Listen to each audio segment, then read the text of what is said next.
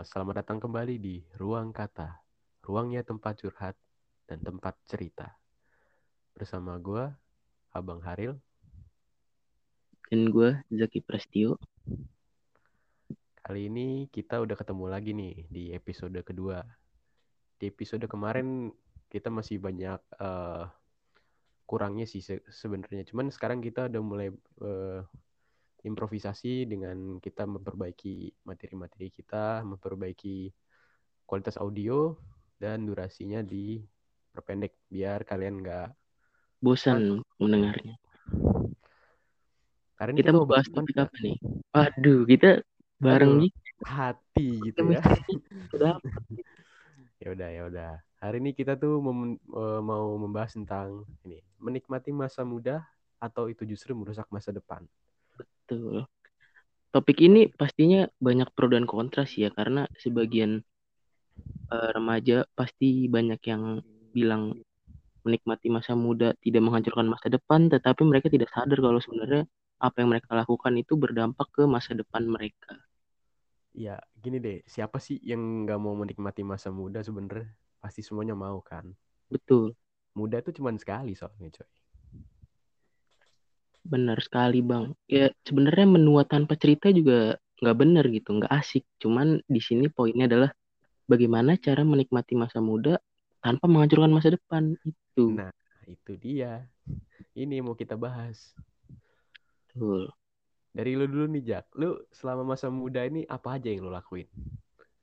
Kalau dari gua untuk menikmati masa muda sih banyak ya yang gue lakuin ya. Contohnya kayak memperbanyak relasi dengan teman baru, menjalin hubungan dengan teman-teman yang apa namanya sefrekuensi. Uh, mungkin dengan cinta juga bisa menikmati masa muda. Uh, banyak sih kalau dari gue yang bisa gue lakuin untuk menikmati masa muda. Kalau lu sendiri gimana bang? Tuh, kalau cinta tuh pasti iya dong. Cinta Betul. tuh kan kayak, aduh jangan deh. Kalau mau tahu ya nonton episode satu dulu dong. Ayo nonton dulu ya, ya belum nonton. Tonton di episode tadi ya, sudah di sudah dibahas di situ. lagi.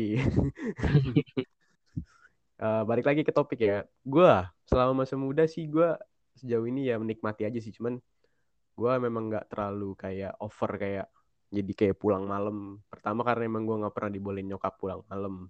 Jadi gue cuman kayak kalau nongkrong sih nongkrong ikut-ikut aja kayak cuman ngumpul-ngumpul terus kayak uh, jalan-jalan kayak nge-mall lah atau kayak motor-motoran muter-muter ya gue juga ngelakuin apa yang orang-orang lain lakuin juga.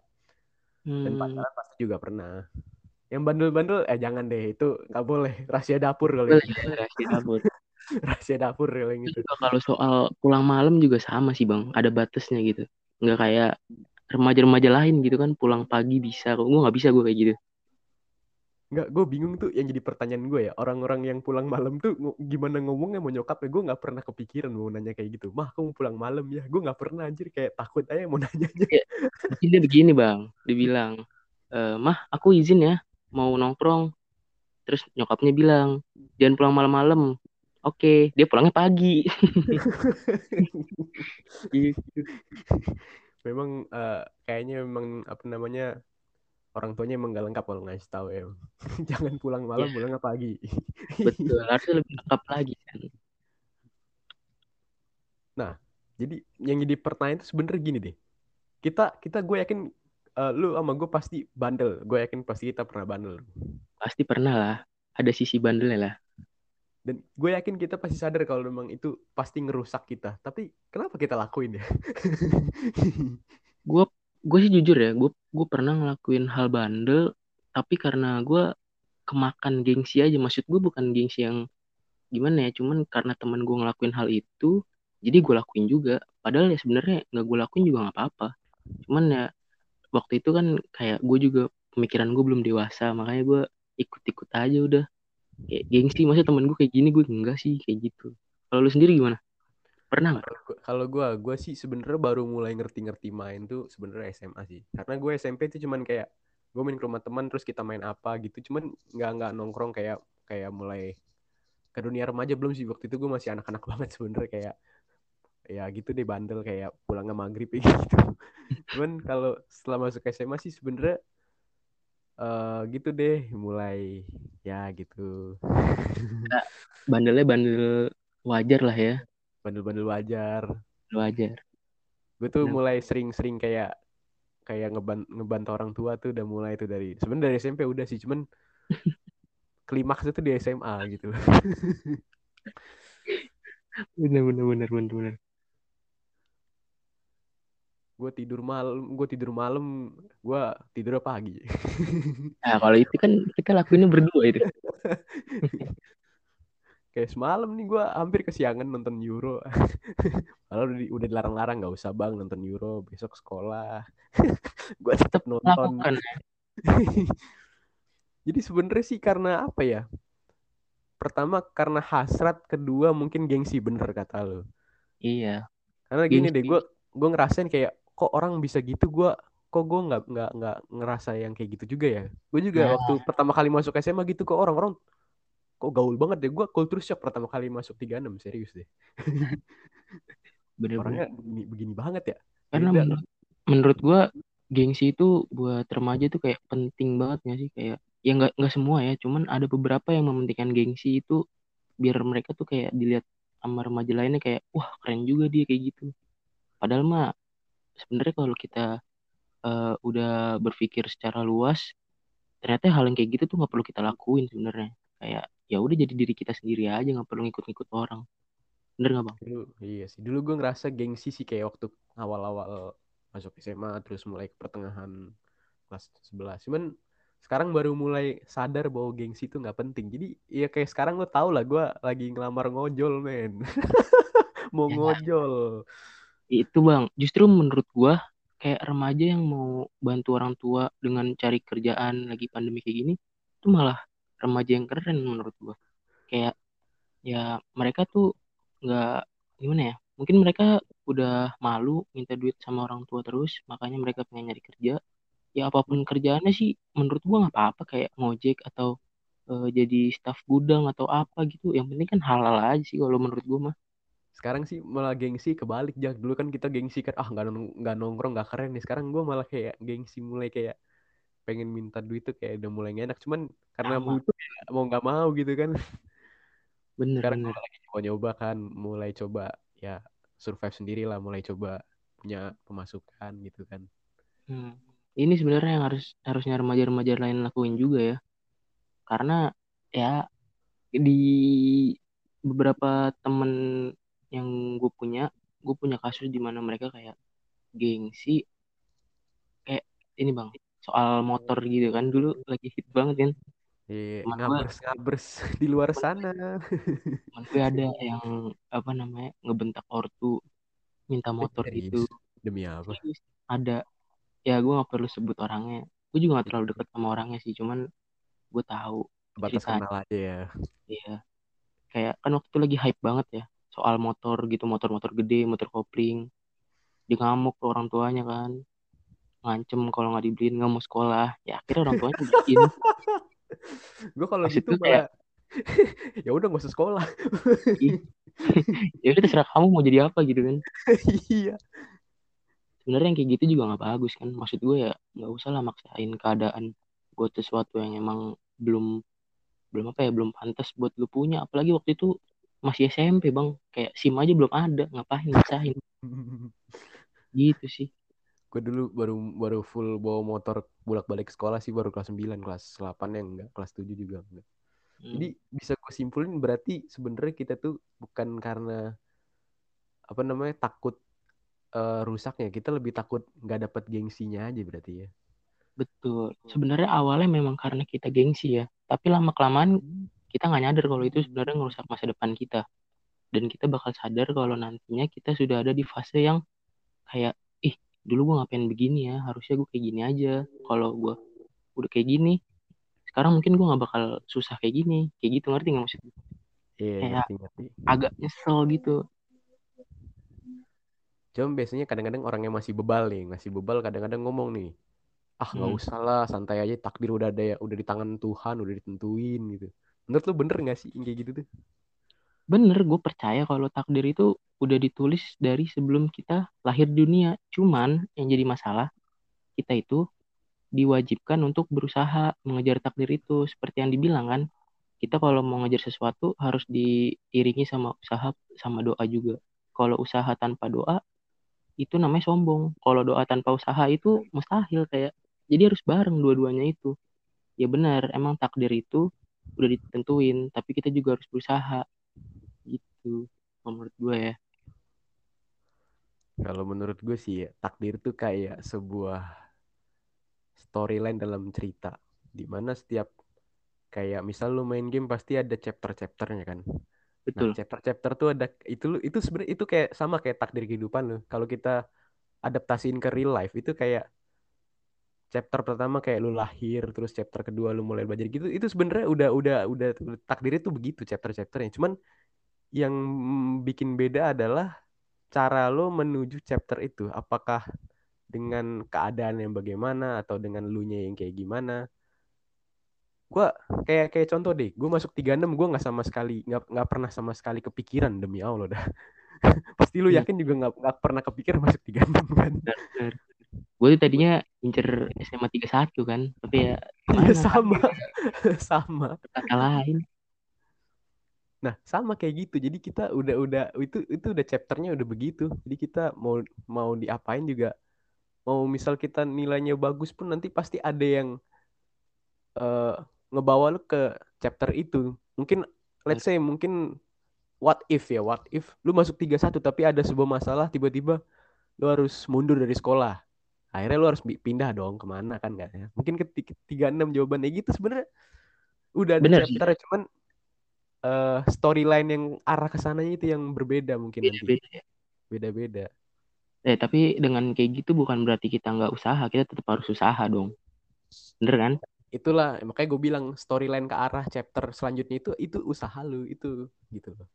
nah betul betul, betul. setuju gue setuju Tapi gue merasa ya bahwa selama ini gue hidup gue terlalu kayak bergantung banget sama yang namanya unsur keberuntungan. Serius sih. unsur keberuntungan contohnya kayak gimana tuh bang Karena gue serius deh. Gue nggak nggak maksudnya kayak gue tuh nggak pernah kayak kepikiran buat sekolah di Jakarta. Serius sekalipun kepikiran enggak gitu loh. karena lu tinggal di Bekasi ya Iya, pertama gue tinggal di Bekasi. Kedua kan apalagi waktu itu zonasi. Jadi gue kayak makin agak desperate buat ke Jakarta. Jadi gue nggak merasa sama sekali bisa ke sana. Tapi nggak ada yang tahu gitu kan. Tiba-tiba gue bisa kasih bisa di tempat ini kan sekarang. Udah kelas 12 bener. udah, udah mengagit kita kan ya. Kalau faktor keberuntungan gua yang gua rasain dalam dunia pendidikan ya Wah, gua nggak tahu sih ini beruntung atau emang karena usaha gua cuman waktu itu gua pernah bang gua pernah lima tahun dan selama lima tahun itu gua juara satu berturut-turut terus pas SMP Gila. pas SMP gue juga pernah ikut Mad Club dan menang cuman ya emang gak nyampe ke nasional sih karena gugur. Cuman Oh, menurut gue udah menang di Jakarta Timur itu udah keren banget buat gue Kalah ya mungkin itu beruntung. Itu kan tiap orang punya takdirnya masing-masing men. Ini gitu. akal kita undang nggak nih di podcast selanjutnya nih? boleh boleh. Nanti kalian kalian kalau ada saran next topiknya apa bisa DM aja langsung Ya, ya ke IG kita berdua Atau kalian tertarik mau jadi bintang tamu kita DM aja. boleh WhatsApp boleh nanti iya betul aja. mumpung kita Hmm. belum udah besar nggak bakal ngundang kalian Nanti kalau kamu mau masuk podcast kita, bayar dulu bos gitu kan. bercanda ya guys ya Canda Hmm. guys. Ini kan masih kecil belagu deh kan. Gitu. Tapi bang, gue mau ada pertanyaan nih bang. Apa tuh? Menurut lo tuh kalau kita nyiapin masa muda, eh kalau kita nyiapin masa depan harus ngorbanin masa muda nggak sih? Itu sebenarnya sih agak gimana ya? Kalau menurut kita enggak, tapi menurut orang, orang lain belum tentu gitu. Betul. Kayak misal nih, kita kan sama-sama usaha buat perguruan tinggi kedinasan kan. Kayak lu misal Betul. mau ke Akpol kan, gua mau pelayaran kan. Ya kita kita enjoy dengan kayak kita olahraga, ngebentuk badan, kayak persiapan gitu. Tapi menurut orang ngapain sih kayak capek-capek, mending belajar bener-bener kan nggak ada nggak ada gimana ya perspektif orang beda-beda sih sebenarnya. Iya Jadi karena menurut, menurut gue itu gue menikmati masa muda gue, gue bisa olahraga bisa kayak banyak teman baru gitu-gitu dari dari kegiatan kayak gitu Nah, itu kalau dari sudut pandang lu ya. Kalau dari sudut kiri, gue pernah sih bang, kayak ngerasa di titik, eh, aduh, ini masa muda gue tapi kenapa gue sibuk olahraga gini-gini. Gue pernah di satu sisi yang kayak temen-temen gue tuh ngajak main, tapi gue yang kayak nggak bisa karena harus latihan, harus belajar. Ya cuman gue cuman kayak bilang aja sih, eh, ya gimana ya. Mungkin nanti bakal ada waktunya juga kan buat kumpul bareng-bareng lagi. Tapi dengan ya apa dengan mimpi yang udah terwujud masing-masing kan. Cuman cuman ya menurut gue gue itu bang gue gue pernah kayak mikir kayak aduh masa muda gue apa namanya kelewat gitu aja. Karena kalau dibandingin kan lu juga latihan kan ya? Cuman latihan gue tuh kayak padet gitu loh jadwalnya. Kayak sabtu minggu gue juga latihan. Kalau orang-orang kan lu lu yang kayak tipe ini gak sih bang? Kalau orang-orang kan hari minggu kayak khusus buat keluarga gitu buat Gua- dinner kalau gue sih latihan selang-seling sih kayak satu hari latihan satu hari rest day. Karena gue takut otot gue cedera aja kalau dipaksain kayak kalau gue hari. setiap hari makanya gue kayak ngerasa aduh beda banget. Sekarang sekarang sekarang sekarang ini gue juga udah jarang kan main malam. Itu karena gue juga udah disuruh tidur cepet nggak boleh begadang gitu-gitu deh. kita juga ini jak bentar lagi udah udah susah nih mau kayak ngemain-main. Bulan September tuh udah mulai ngeri-ngeri tuh udah udah ada TO kan biasanya tuh. Iya, itu mikirin sih. Udah udah udah Eh, ada tuh yang bau-bau gitu tuh.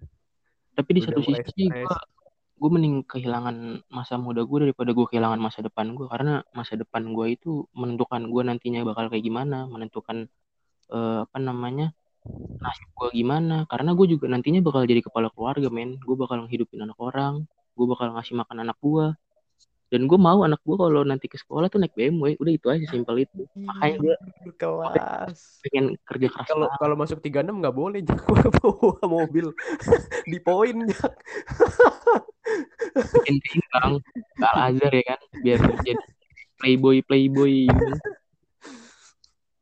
Bercanda ya. kan. Cuman teman gue di Al Azhar banyak kan kayak gitu. Gak apa-apa sih. Sebenarnya ya namanya orang tuanya udah sukses nggak nggak salah juga. Orang tua mereka juga sukses sebenarnya. Itulah. Gue pengen ngasih yang terbaik anak gue meskipun gue punya pendapat sendiri yang tadi gue bilang bahwa ya sebenarnya sih menurut sudut pandang lo aja lu menikmati apa enggak apa yang lo lakuin sekarang kan Hmm, betul. gitu karena gue orang kalau gue nggak nikmatin ya gue tinggal aja. Gue orangnya nggak mau pusing gitu loh. Sama kayak di epi- episode pertama kalau gue kan udah pusing ya gue gue gue tinggalin aja ya nggak? Kalian kalau yang bingung apa itu nonton dulu episode pertama nah, ya. balik lagi balik lagi balik lagi. Jadi Berarti ya. adil ya Jack ya? Yo betul harus adil harus kayak bisa manajemen waktu yang waktu baik. Betul. Karena kalau gua kalau bisa dibilang buat yang kelas 12 nih ya masa remaja kita tuh tinggal kurang lebih nggak nyampe setahun lagi. Nggak nyampe setahun nggak nyampe. Bentar lagi. Tinggal dikit lagi lu, lu puas-puasin deh lu bisa berantem sama nyokap lu tiap pagi gara-gara lu kagak bangun pagi absensi. Ya lu enjoy lah terus main. Bener ngobrol sama teman-teman lu puas-puasin ya karena belum tentu lu kuliah bisa kayak ngobrol-ngobrol lagi kan udah beda-beda tempat. Wih, atau emang kadang-kadang lupa bener temen gitu kan udah main sama temen kuliah gitu kan. Ya yang kalian yang kalian mesti tahu sih circle kuliah sama circle kalian sekolah SMA SMA SMP gitu beda banget. Beda Gue udah- karena kalau kata nyokap gue sih kayak dunia kerja gitu Jak. jadi tuh sebi mereka tuh nggak akan nggak akan tega buat jatin sama satu satu sama lain. Karena ya itu di sekolah tuh nggak ada kayak ayo nak. Yang belum apa namanya remedial remedial dulu yo. Ya intinya kalian kalian nggak apa-apa menikmati masa muda tapi jangan lupa kalau kalian juga harus punya masa depan.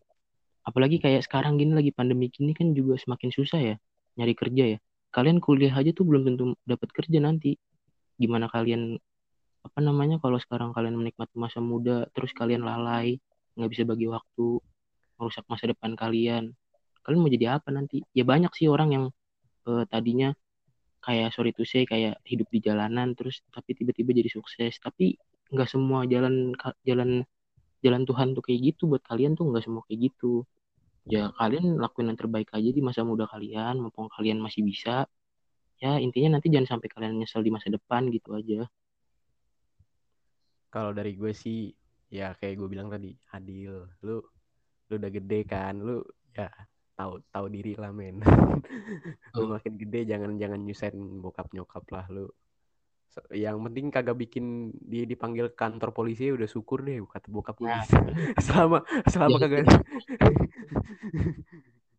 terus ya gitu takdir itu memang gu- jangan lu jadiin acuan. Karena gua gua rasa takdir itu nggak akan lebih dari 5% kehidupan nggak akan lebih dari 5% dalam unsur kehidupan lu. Tapi memang ketika unsur takdir itu keberuntungan itu kayak terjadi emang efeknya akan kayak why? Kok bisa ya? Gitu loh. Iya, kayak sesuatu yang nggak pernah lu pikirin tuh terjadi. Nah, itu namanya takdir itu. Kayak lu udah lu nggak usahain buat ke A, kok tiba-tiba jadi ke B, ya itu udah takdir. emang Yang penting keren lu usaha aja. tapi jangan jadi jangan kalian andelin itu karena ya gue bilang tadi nggak akan lebih dari 5% dari seluruh unsur hidup lu percaya Nah. Intinya do your best aja udah, itu aja. Sama jangan lupa doa, udah itu. Ya, Jangan kurang kalian mungkin- kurang-kurangin juga deh ngelawan orang tua udah. Itu penting banget. sekarang lu karena lagi pusing kalian eh, nggak bisa ikut SNMPTN karena kalian nilainya masih terlalu jauh yang kalian jangan dibawa pusing ya kalian langsung dikebut aja UTBK-nya gitu loh Betul. Mesti ada UPH, uang papa habis ya jangan. jangan jangan jangan uang papa habis dong kan Jangan. gue bilang tadi kalau emang ya lu kan udah do, do your best nih nanti kalau yang yang di bawah 5% itu bertindak lu ya bisa naik naik ini naik kasta men nggak usah Iya. takut Intinya do your best dah gitu aja deh. lu kira yang bisa ikut SNMPTN kagak kagak gemeteran juga apa gue juga gemeteran anjing masalahnya gacha bos Kita juga, kita juga memperjuangkan sesuatu yang belum pasti gitu kan. Ini Iya. masa depan kita juga belum pasti kayak gimana. Cuman ya kita lakuin yang terbaik aja. Apa yang sekarang kita bisa lakuin, ya kita lakuin. Ya itu aja. SNMPTN tuh nggak lebih dari kayak ngocok dadu jadi kalian jangan nggak usah iri lah biasa aja kita juga Iya. sama-sama takut kok serius deh dibanding bandingin sama anak tetangga nggak apa-apa. Udah sabar aja. Setiap orang tuh Sabar punya aja. punya masanya masing-masing, punya waktunya semua masing. nyokap emang gitu kok tenang aja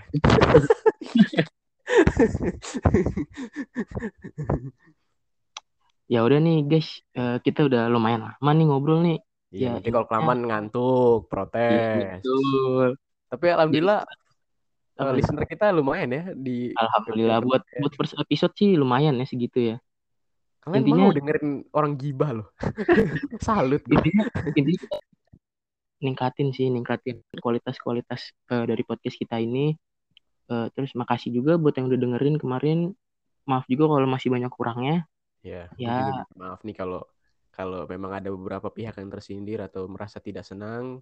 Betul. Kita tidak menyebutkan identitas kalian. Jadi kalau kalian kesel, ya kesel sendiri aja, nggak usah bawa-bawa. Iya. Nggak usah bawa-bawa dong. Ah. Ya Kalian udah, jangan lupa share ke teman-teman kalian ya, suruh follow Ya. juga, suruh dengerin jangan lupa follow juga biar kita makin semangat. Iya, follow podcast kita. Nanti kalau kalian mau cerita atau mau ngasih saran bisa ke IG kita berdua ya. Kalau mau ikut collab sama kita nggak apa-apa, tenang aja. Betul. Kita baik-baik. Kita open ini kok. Atau adik-adik yang mau MPLS nih yang baru ikut MPLS, kita cerita sama kita pengalamannya. Boleh yang baru masuk MPS boleh, Bu. Mau nanya-nanya di Venom boleh. Ah, nanya-nanya saya juga nggak apa-apa. Nanya-nanya saya sama host juga nggak apa-apa nih. Host saya. Kebetulan kita berdua lagi kosong. kosong sih. Nggak, bercanda, bercanda, bercanda. Tapi kalau serius juga nggak apa-apa sih. Iya. Kalau Terus siapa yang nolak sih? Iya, betul kan? Ya udahlah ya. Segitu aja ya. dulu ya. Makasih ya buat yang udah dengerin, udah selalu dengerin. Jangan lupa di-share ke teman-teman kalian deh, suruh follow juga. gua Abang Segitu Haril pamit undur diri. Gua Zaki Prestio juga pamit undur diri. Terima kasih. Makasih. Dadah. Dadah.